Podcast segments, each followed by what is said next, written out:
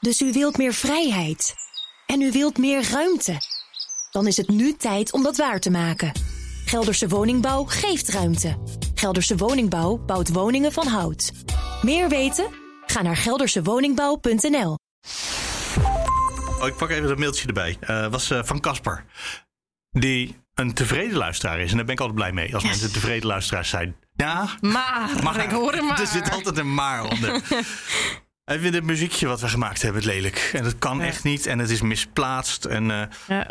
hij wil eigenlijk iets anders. Verder, nog, keep up the good work. Ik zo gewaarschuwd. Er zijn zelfs voorstellen hier geweest voor Kanye West, uh, hip-hop. Maar ja, dat uh, kwam er weer niet door. Nee. Ja, en als hij dan weet dat ik het zelf gemaakt heb samen met onze vormgever, dus hij raakt mij ook persoonlijk. Dus dat kunnen die mensen zich niet verantwoorden. Tribunaal, tribunaal. Ja, oh, tribunaal. Voor tribunaal. nee. Oké, okay, we gaan van start. We Dit gaan. is de Nieuwsdag met Talita Mussen en Mark Beekhuis van donderdag 13 januari. En we hebben het straks over verdwijnende signalberichtjes en dat dat vervelend is als je de overheid wil controleren. En we gaan praten over of president Biden misschien een beetje zijn geduld begint te verliezen met de Republikeinen. Precies, let's get started. Muziekje. Sorry, Casper.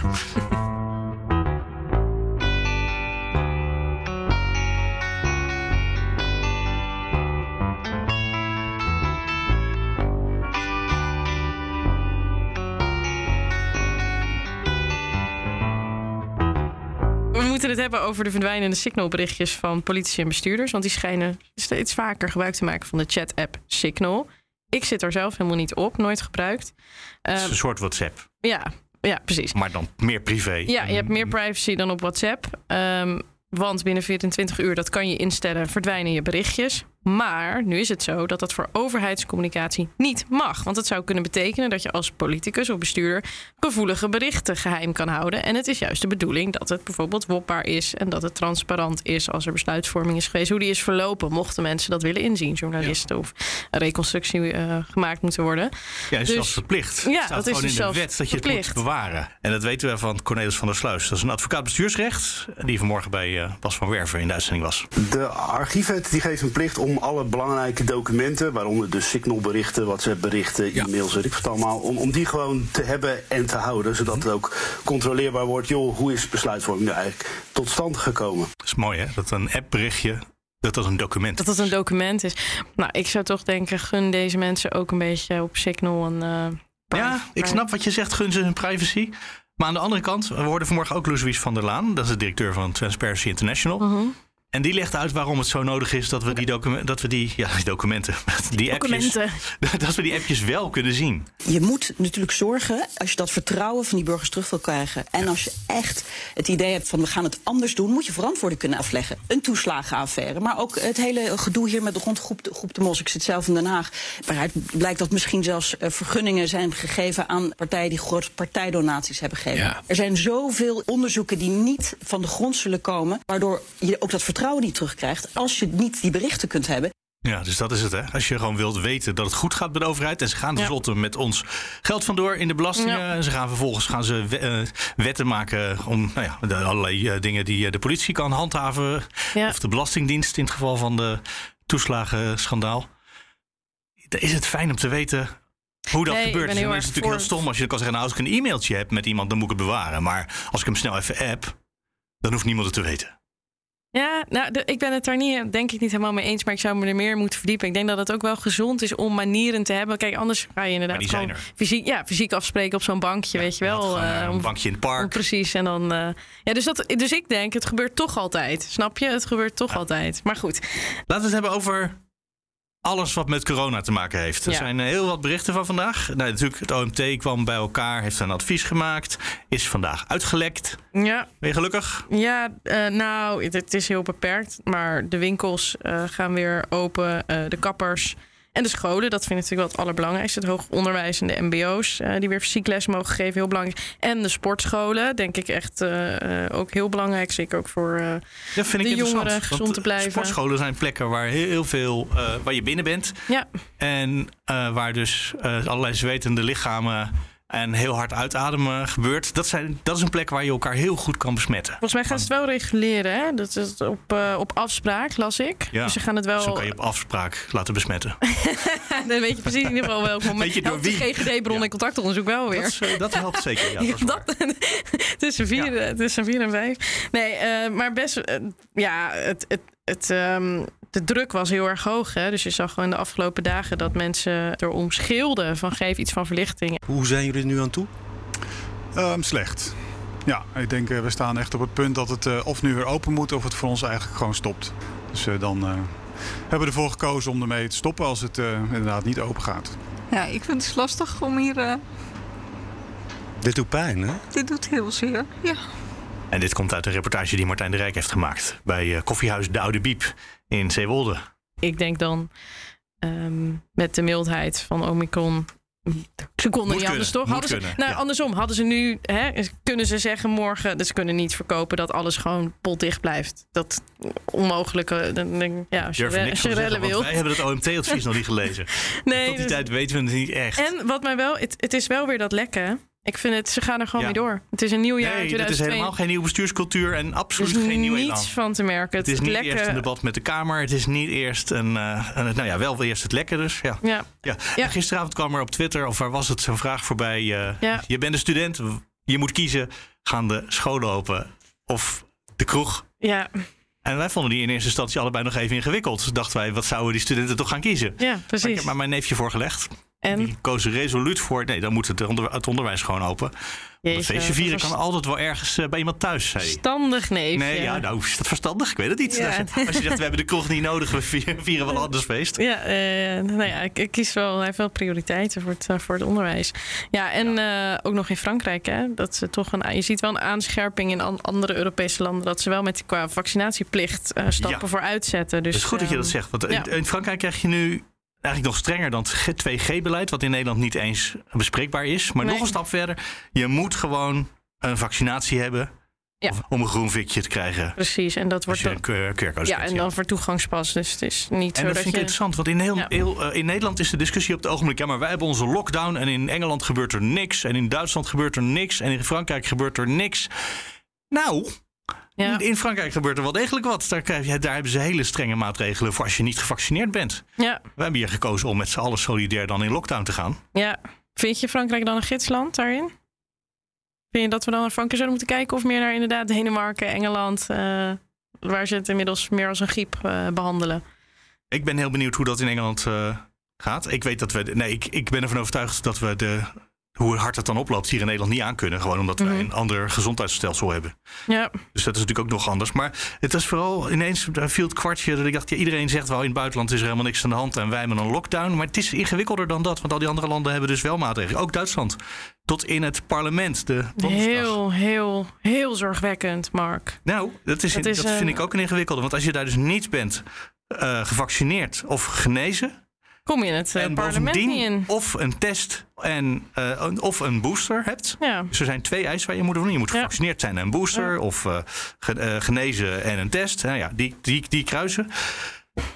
Dan mag je als parlementariër ik niet meepraten eh, in het eh, debat. Gewoon in de dat zaal. is toch eind, sorry, maar dat is toch einde democratie? Nee hoor, want je mag gewoon je laten vaccineren. En je kan je ook laten testen. Ja, maar dat is dus geen vrije Dus keuze een, eh, meer, toch? In het parlement moet ook iemand die fundamenteel anders daarover denkt, maar wel gekozen is. Hè? Het is een gekozen volksvertegenwoordiger, moet gewoon ten alle tijden toegang hebben. Je kan niet een gekozen volksvertegenwoordiger toegang weigeren. Nou, ik denk dat ze. Kijk, als ik het zou regelen, maar dat is volgens mij niet zo op het ogenblik. Dan zou je zo iemand de kans moeten geven om dat op afstand te doen, via Zoom bijvoorbeeld. En dat Precies, ziet er niet in uit in een Tweede. Kamergebouw als je daar ineens achter, de, achter die desk een, een, een videoscherm eh, moet gaan zetten. Aan de andere kant, in de commissievergaderingen doen ze dat wel. Ja, Maar dus als je zegt, ja, je bent echt zo principieel, je wilt het niet. Nou ja, dat heeft wel. Het heeft consequenties, zegt Hugo de Jonge dan. Daar ben ik ook erg van. Echt waar. Maar ook als je daarmee echt mensen uitsluit van het, van het Nou, ik zou parlement. dus, ik, de- wat ik net zeg, ik zou ze niet uitsluiten. ja. Maar eh, zeggen, oh, dan mag u wel thuis gaan zitten. Ja, maar dan kan iemand nog steeds niet volwaardig deelnemen aan het debat. Nee, je maakt het jezelf wel moeilijk als Kamerlid. Daar heb je gelijk in. Ja, ik denk dat dat echt de grens is die, eh, vind ik, hè, die ja, in nooit Nederland is het ook helemaal onbespreekbaar. nee, nou, dat denk ik niet. Ik denk dat, dat, niet, dat dit... Oh, sorry, ik denk dat dit de komende twee maanden is dit nog onbespreekbaar. Ja, inderdaad, voor een paar maanden. Maar ik, ik, ik denk dat als je ziet, Frankrijk en Duitsland, dat zijn toch ook eh, eh, ja, eh, landen zeg maar, die je hoog zou hebben Ja. zitten qua hun democratie. Ja. En dat die dan dit soort stappen zetten, dan denk ik. Nou, oei, in Frankrijk oei. is het niet dat ze de parlementariërs. Nee, maar buiten de 2G zaal houden. is ook zo'n, vind ik, zo'n principiële grens overgaan. Goed. Maar Ga nu voorspellen? Want we doen altijd een voorspelling aan het eind van het voorspelling. nieuwsblokje. Het is een hoopvolle voorspelling deze keer. Namelijk Ah, wishful dat, thinking. ja, dat de cultuursector morgen ook open gaat. Dat dat de Oh. aankondiging is. Want Dat is nog niet gelekt, maar het kan wel natuurlijk. ik lek eh, dat bij deze. Of ik, eh, ik hoop dat het wordt opgepakt. Ehm, ja, want waarom dan winkels wel en kappers en sportscholen en cultuursector niet? Dat, dat, Dat zegt iets over hoe deze regeringspartijen over de wereld denken. Ja, en dat, en dat wordt echt al twee jaar. Bewijzen ze iedere keer dat ze de cultuur niet eh, op waarde schatten. Eh, dan voelt dat zo willekeurig. Dus morgen, Morgen komt er ook. positief nieuws. Ehm, de cultuursector gaat open. Talita, we moeten het hebben over Biden, president van Amerika. En mijn gevoel, toen ik vanmorgen de krant las... en de afgelopen dagen bouwde dat al een beetje op... is dat meneer Biden zijn geduld een beetje begint te verliezen. met zijn republikeinen, ja. En dat hij hier altijd probeerde bruggen te bouwen... maar die, nou ja, dat ga ik gewoon niet meer doen. Als ze, niet, eh, als ze dat niet willen.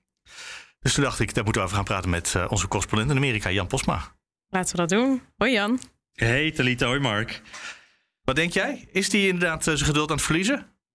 Ja, dat denk ik wel hoor. En eh, daar zitten twee dingetjes aan. Eh, hij kan sowieso soms wat ongeduldig zijn. Dat merk je ook wel. Hij is eh, soms wat snel ja, geprikkeld, reageert hij. Eh, dus dat zal een beetje meespelen. Maar wat er denk ik vooral ook is, hij moet iets. Hij moet iets anders. Want nou ja, hij heeft corona niet onder controle. Hij heeft het probleem van inflatie, daar zit hij heel erg mee. En dan heeft hij dus ook nog het beleidsprobleem. Hij wil allerlei dingen erdoor krijgen, maar niemand, nou ja, in ieder geval Republikeinen willen niet met hem samenwerken. Nee, nooit, Zijn hè? eigen Nooit. partij. Nee, precies, gewoon nooit. Die zeggen wij werken jou tegen, dat is wat we doen. Nou, binnen zijn eigen partij eh, staat ook niet iedereen achter hem. Dus, en hij heeft een soort tikkende klok, eh, hoort hij de hele tijd in zijn hoofd. Want in november zijn weer congresverkiezingen. En hij staat nou toch bijna met lege handen. Dus hij staat echt onder druk. Hij heeft een hervorming van het kiesrecht voorgesteld. Wat, wat, wat heeft hij precies voorgesteld? Ja, dat, dat is ook wel mooi. Hij kwam met hele mooie woorden. Hij had een hele felle eh, toespraak eh, op een symbolische plek ook. Hè, in eh, eigenlijk de, de, de- plek waar Martin Luther King begraven is. Daar hield hij die toespraak. Dus dat, dat geeft wel aan wat voor waarde hij zelf hieraan hecht. En zo waren zijn woorden ook vol strijd, echt fel. Eh, maar als je dan kijkt wat die plannen precies zijn, dat blijft best wel een beetje vaag. Eh, er zijn op dit moment eh, twee plannen die, die voor het congres liggen: Eh, de, de Freedom to Vote Act en de John Lewis Voting Right Advancement Act. Wauw. d- Daar staan allerlei. Echt, vers- het ja. klinkt wel heerlijk, hè? Wie is John Lewis? Ja, John Waarvoor je Lewis, uitlegt wat er in die wetten staat. ja, precies. Die naam, daar ben je al weg. Hè. Dat is gelijk helemaal mooi. Ja, John Lewis, dat is echt een, een burgerrechtenheld. Die man die heeft met Martin. Luther King heeft hij, eh, Eh, die, die is vorig jaar overleden. En, en nou ja, als je aan, aan mensen in Washington, maar ook daarbuiten vraagt... van ja, noem nou een van de laatste burgerrechtenhelden die er nog waren. John Lewis. Dus, In Engeland is het een eh, soort warenhuis. Een beetje een eh bijenkorfachtige winkel. Dat klopt, ja. Nu je dat zegt, ja. Maar goed, Nou, hier staat zijn, zijn gezicht echt meters groot op muren geschilderd. Zo populair is die man. En wat, wat doen die twee wetten met, eh, met Amerika als ze erdoor komen? Wat je dus volgens mij al een beetje laat doorschemeren, helemaal niet zo zeker is. ja, precies. Ik geef het al een beetje weg. Hè. Ja, nee, het, het, het is. eh, eh, daar staan die twee wetten, daar staan allerlei verschillende dingen in. Ze verschillen wat van elkaar. Eh, en, maar, maar in grote lijnen komt het er steeds een beetje op hetzelfde neer. We hebben de laatste tijd gezien dat Republikeinen proberen de regels aan te passen. Daar zijn ze ook succesvol in. Die proberen eigenlijk alles zo een beetje te draaien, zodat alles in hun voordeel uitvalt. In de om- hè? Ja, precies. Lokaal ja. doen ze dat. Dus dan zorgen ze bijvoorbeeld voor strengere eh, kiesregels. Eh, dan zorgen ze ervoor dat eh, bijvoorbeeld de stemlokalen maar op bepaalde tijden, tijden open zijn. Stemlokalen alleen maar in stemlokalen. Amsterdam-Zuid en niet in de Bijlmer, zoiets. Bijvoorbeeld, dat is echt eh, dat is precies een goede inderdaad. En als je dat dan doet uh, alleen tussen 9 en 5, dat alle mensen die ja. echt naar hun werk moeten en niet thuis kunnen werken, uh, niet kunnen komen, nou ja, dan heb je natuurlijk ineens een heel andere uitslag. Weet je, zoals hier En- in Nederland de stemlokalen op de universiteiten en hogescholen gesloten waren bij de afgelopen verkiezingen. Waardoor waarschijnlijk jongeren minder konden stemmen. Hm. Oh, en dat er Ja. misschien invloed op de uitslag had. Tussen haakjes Nee, even. Eh, ja. Oké, maar dit Dat was niet bedacht te raden. Nee. Dat, en in Amerika doen ze dat wel heel nee, bewust, klopt, hè? Klopt, klopt. Ja. Ja, ja. Nee, nee, maar dat is inderdaad een heel duidelijk eh, voorbeeld kan dat zijn. En, en hier zeggen ze bijvoorbeeld ook het eh, stemmen per post. Eh, nou ja, als jij een baan hebt, stel je werkt bij McDonald's en, en ja, je moet daar fysiek aanwezig zijn. Dan kan je niet dus tijdens je werktijden even snel een uur, nou ik zeg even snel, maar soms moet je hier uren in de rij staan om je stem uit te brengen. Dat Een lukt dag vrij nemen voor de verkiezingen.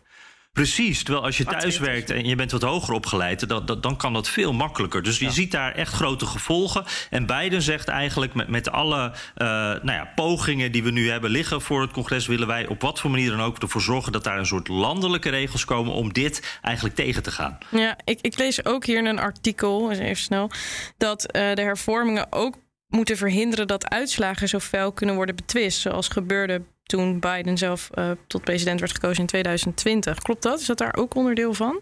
Ja, klopt. Nou, dat- dat- dat, zit inderdaad eh, gedeeltelijk in een van deze twee eh, wetten. Maar dat, dat, dat heeft te maken met eh, weer een andere wet die, die zich specifiek op het tellen richt. En dat is inderdaad heel specifiek nou ja, wat we de laatste verkiezingen hebben gezien. Dat, dat in verschillende staten de uitslag wordt aangevochten. En dat de Republikeinen nu ook op al die plekken bezig zijn. juist in die staten waar strijd was. Om te zorgen dat dan nou ja, het hoofd stemmen tellen. Dat dat een Republikein Nee, wordt. Want, want de reden dat ik dat vraag of dat aanhoud is... ik kan me wel voorstellen dat op het moment dat je dan dus het kiesrecht gaat hervormen... terwijl dat sentiment eigenlijk nog, ja, toch nog relatief heel kort geleden is... Hè, dat gewoon een heel deel van het land eigenlijk niet accepteert... dat de uitslag geldig was. Dat is echt heel heftig. Dat, op het moment dat je dan het kiesrecht zelf gaat hervormen... Ja, dat je dan daarmee een onwijze ja, wantrouwen en ook emotie eigenlijk losmaakt... in die samenleving die al zo tot op het bot verdeeld is. Is, is dit tactisch handig, zeg maar?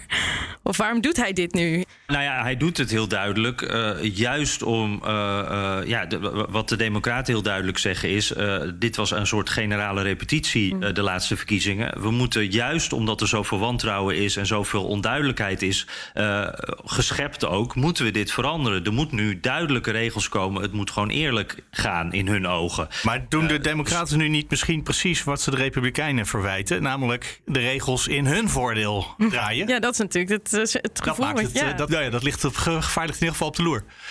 Ja, nee, zeker ook juist omdat alles zo politiek is hier. Dus dat is ook meteen de discussie natuurlijk. Dat is exact wat de Republikeinen zeggen. Van ja, jullie kijken alleen maar naar jullie eigen belangen. Eh, democraten zeggen, en die worden, moet ik wel zeggen, die worden daarbij ook ondersteund door statistiek hoor. Eh, de voorbeelden die wij net noemden over, eh, nou, als je bij de McDonald's werkt, dat zijn vaker democraten die dan geraakt worden. Dus, dus dat zie je wel, dat op dit moment ja, door de cijfers de democraten wel ondersteund worden. En ook als het gaat om de laatste verkiezingen natuurlijk, met de rol van Trump, er was duidelijk één partij eh, die dit aanvocht en die voor die verwarring zorgde. En die eh, ook ja, een staatsgreep probeerde te, te regelen.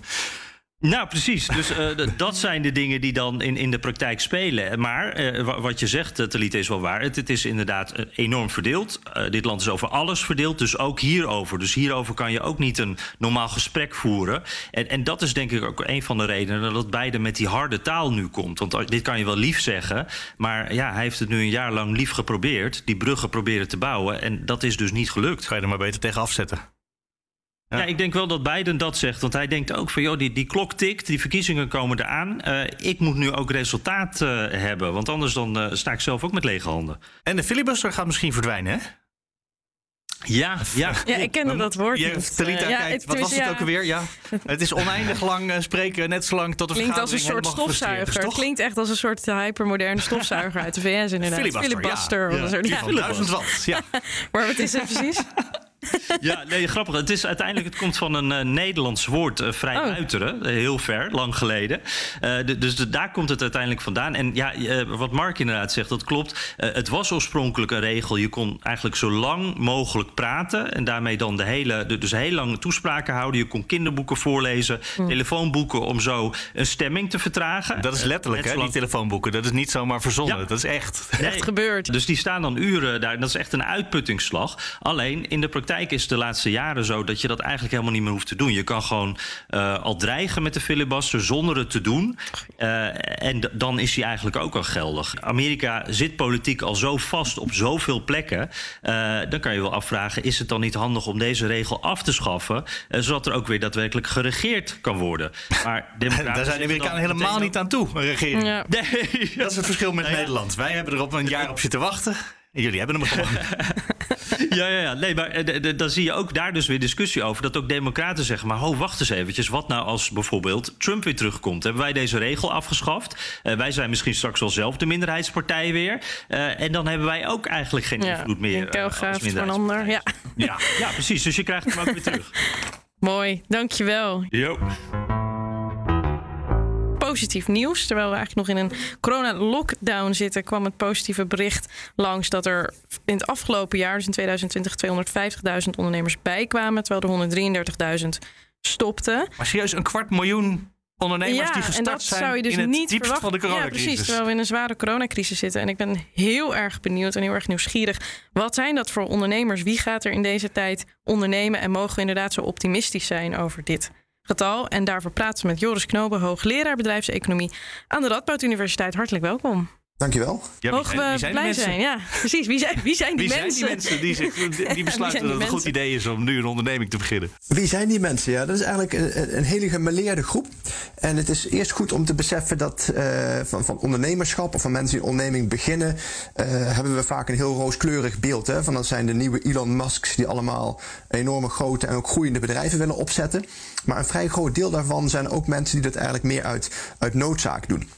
Dus je zag in verschillende fasen van de coronacrisis zag je ook wel eh, verschillende groepen eh, die omdat hun normale activiteiten onmogelijk waren of hun bedrijven waren gesloten, eh, zich als ZZP registreerden en op die manier toch nog probeerden wat, wat te doen.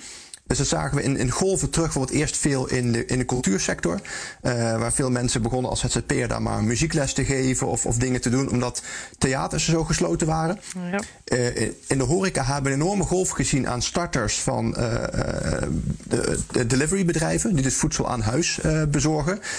Vaak ook wel gevestigde restaurants die dat gingen doen, hè, die dus omdat het restaurant dicht was, maar eten gingen, gingen bezorgen. Maar die richten dus daar dan een nieuwe entiteit wel voor op, zodat het wel nieuwe ondernemingen zijn. Want dat vroeg ik me inderdaad af. Dat ja, soms. als- En heel, ja. veel, heel veel bezorgers die dat op eigen titel als ZZP'er gaan, eh, gaan doen. Hè. Dat is typisch van die, van die platformactiviteiten waar iedereen zich eh, als eigen ondernemer zeg maar, eh, registreert. Ehm, dus zo zie je dat er de loop der, der, der maanden eigenlijk in die coronacrisis verschillende golven ondernemers zijn gekomen. En de laatste maanden zie je ineens een grote opkomst aan ondernemers in, ja, noem het de maatschappelijke dienstverlening. Dus de zorg in de brede zin. Kinderopvang, dienstverlening voor ouderen, gehandicapten. Daar zit de laatste maand echt die, die piek in. Oh, is, is dat vanwege corona? Eh, niet, niet specifiek. Het is natuurlijk wel een, een, een tak van sport waar nou, met de nieuwe eh, informatie die doorkomt vanuit Den Haag en welke kant het, het kabinet op wil, wel ook kansen lijken te liggen. Dus de kinderopvang, ja, als het kabinet zegt kinderopvang moet eh, dan en breed beschikbaar komen. Ja, dat zijn mensen die het nieuws goed volgen. Die lezen Slim, dat, ze ja. horen dat, ze Precies. denken dan... Kansen, ja. snel reageren. Mijn bedrijf. Eh, ja. Maar hoeveel procent zeg maar, zijn die ZZP'ers van die 250.000 eh, nieuwe ondernemers in 2020? Dat zijn het, leeuwendeel daarvan zijn ZZP'ers. Dus we hebben in Nederland eh, meer dan 2 miljoen eh, bedrijven. Bijna 2,2 miljoen inmiddels. En daarvan zijn, zijn 1,2 miljoen ongeveer ZZP'ers. Dus dat is echt het, het overgrote deel. Ja. En dat geldt ook voor de nieuwe starters. Ja, dat is natuurlijk ook heel makkelijk om op die manier een bedrijfje te, te starten. Ehm, dus het, het precieze percentage eh, weet ik niet. Dus het wordt ook niet zo bekendgemaakt. Maar het zal meer dan de helft zijn. Ja, want u begon over van nou, heel vaak hebben we het, het rooskleurige beeld dat nieuwe ondernemers, nieuwe Elon Musk zijn. Maar ik ben toch wel benieuwd. Ik, ik zou er toch wel eentje willen horen. Heeft u zeg maar bepaalde eh, innovaties gezien? Ja, je ziet, je ziet natuurlijk wel eh, allerlei bedrijven die, die bijvoorbeeld of iets nieuws zijn begonnen... of hun standaard activiteiten erg hebben, hebben omgebogen. Hè? Omdat ze dachten, nou, nou, in, de, in de, de, deze fase van de coronacrisis kunnen we ons, ons traditionele uh, verdienmodel eigenlijk niet meer gebruiken. Laten we iets anders verzinnen. Um, en je zag dat zowel bij kleine als grote bedrijven, dus de, de, de alcoholfabrikanten die ineens handalcohol gingen, gingen maken. Um, maar ik ken ook een bedrijf dat maakte whiteboards voor kantoren in allerlei mooie vormen en maten. Uh, en die konden die niet meer verkopen, want kantoren gingen dicht. En die hebben zich toegelegd op het maken van die spatschermen die je nu overal oh ja. ziet hangen. Om ja, ja, ja. zo af te, te schermen. Uh, dus je ziet dat soort uh, ja, mooie inspringen op, op kansen. Zowel bij gevestigde bedrijven als bij, bij, bij nieuwe starters. En waar zie je nou de meeste mensen stoppen? Ik kan het denk ik wel een beetje raden, maar misschien zit ik nou, ook wel naast. Nou ja, ik denk dan in de horeca dat veel ondernemers stoppen. Oh, Bijvoorbeeld of in het toerisme of in de inderdaad kunst- en cultuursector, festivalsector. Klopt dat? Dat daar de meeste ondernemers nee, stoppen? Dat valt toch wel mee. En dat zien we eigenlijk al de hele coronacrisis. Dat het, het aantal faillissementen, dus bedrijven die echt gedwongen worden te stoppen door faillissement, dat is eigenlijk extreem laag. Uh, waarschijnlijk veroorzaakt door de, door de, de steunmaatregelen die er zijn. Dus de overheid die de bedrijven eigenlijk overeind houdt. Um, en ook het aantal stoppers is eigenlijk al heel lang vrij laag. Uh, want de meeste van die ondernemers toch proberen het, het uit te zingen. Hè, met de steun die ze krijgen, het verder interen op reserves. Uh, misschien nemen van extra lening om toch die, uh, die tijd door te komen. Uh, dus juist in die sectoren zie je niet heel veel ondernemers die echt het beltje erbij neer hebben ge gegooid. Uh, dat zie je maar meer wel. in sectoren waar de onzekerheid eigenlijk uh, al lange tijd hoog is. Zoals nou, de laatste maanden bijvoorbeeld in de, in de agrarische sector. En waar natuurlijk ook veel onzekerheid is met betrekking tot stikstofregels. Uh, en daar zie je gewoon dat ondernemers geen, geen opvolgers meer kunnen vinden. Dus, ja, dus je wordt dus nog eerder genekt door de klimaatcrisis dan door de coronacrisis als ondernemer in Nederland. Dat is ook wel erg. Ja, dat, dat is oh. wel, uh, ook wel verrassend trouwens voor veel economen hoor. Want die, veel mensen ja. hadden echt wel een golf aan faillissementen op dit moment verwacht. Uh, maar eigenlijk heeft de, uh, nou, aan de ene kant heeft de overheid dat toch heel effectief gedaan. Hè, die steunmaatregelen. Ja, dat ingezet. is wel echt goed gegaan. Als je iets, want we zijn vaak heel negatief over de afgelopen twee jaar. Maar als er iets wel heel goed is gegaan, dan is het dat overeind houden toch van het, van het bedrijfsleven geweest met toch die ruimhartige steunpakketten. Ja. Bedankt, duidelijk. Jos Knober. Graag gedaan. Dank u wel. We komen aan het einde. We gaan uh, nog even zeggen dat je ons kan volgen op Twitter, het De Nieuwsdag. Op Instagram, voor leuke behind the scenes. Ik heb net alweer heb je net een alweer foto's Ja, maken? ik heb net alweer een filmpje gemaakt. Oh ja, dus, ja. uh, en op mijn eigen Instagram kanaal, Muse. Ja, en uh, via het kanaal van BNR. En je kan mailen, denieuwsdag.bnr.nl. Tot morgen. Niet tot morgen. Nee, niet tot nee, morgen. Je bent helaas, ik ga je ik missen. zei het nog. Ik moet een dienstmededeling aan het eind doen. Precies. Want normaal gesproken, als je luisterde naar Nieuwsroom, dan hoorde je op vrijdag ook Nieuwsroom Den Haag. En waar we eerst Nieuwsroom, uh, ja, de podcast neerzetten, daar vind je nu de Nieuwsdag.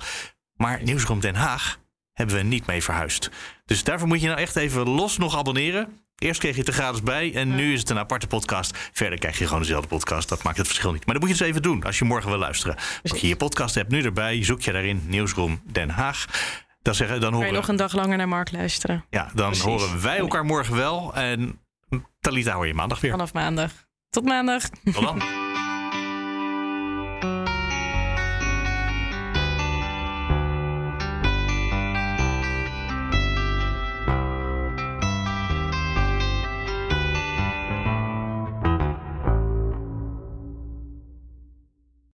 Dus u wilt meer vrijheid.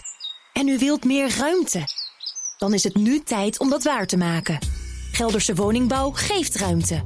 Gelderse Woningbouw bouwt woningen van hout. Meer weten? Ga naar geldersewoningbouw.nl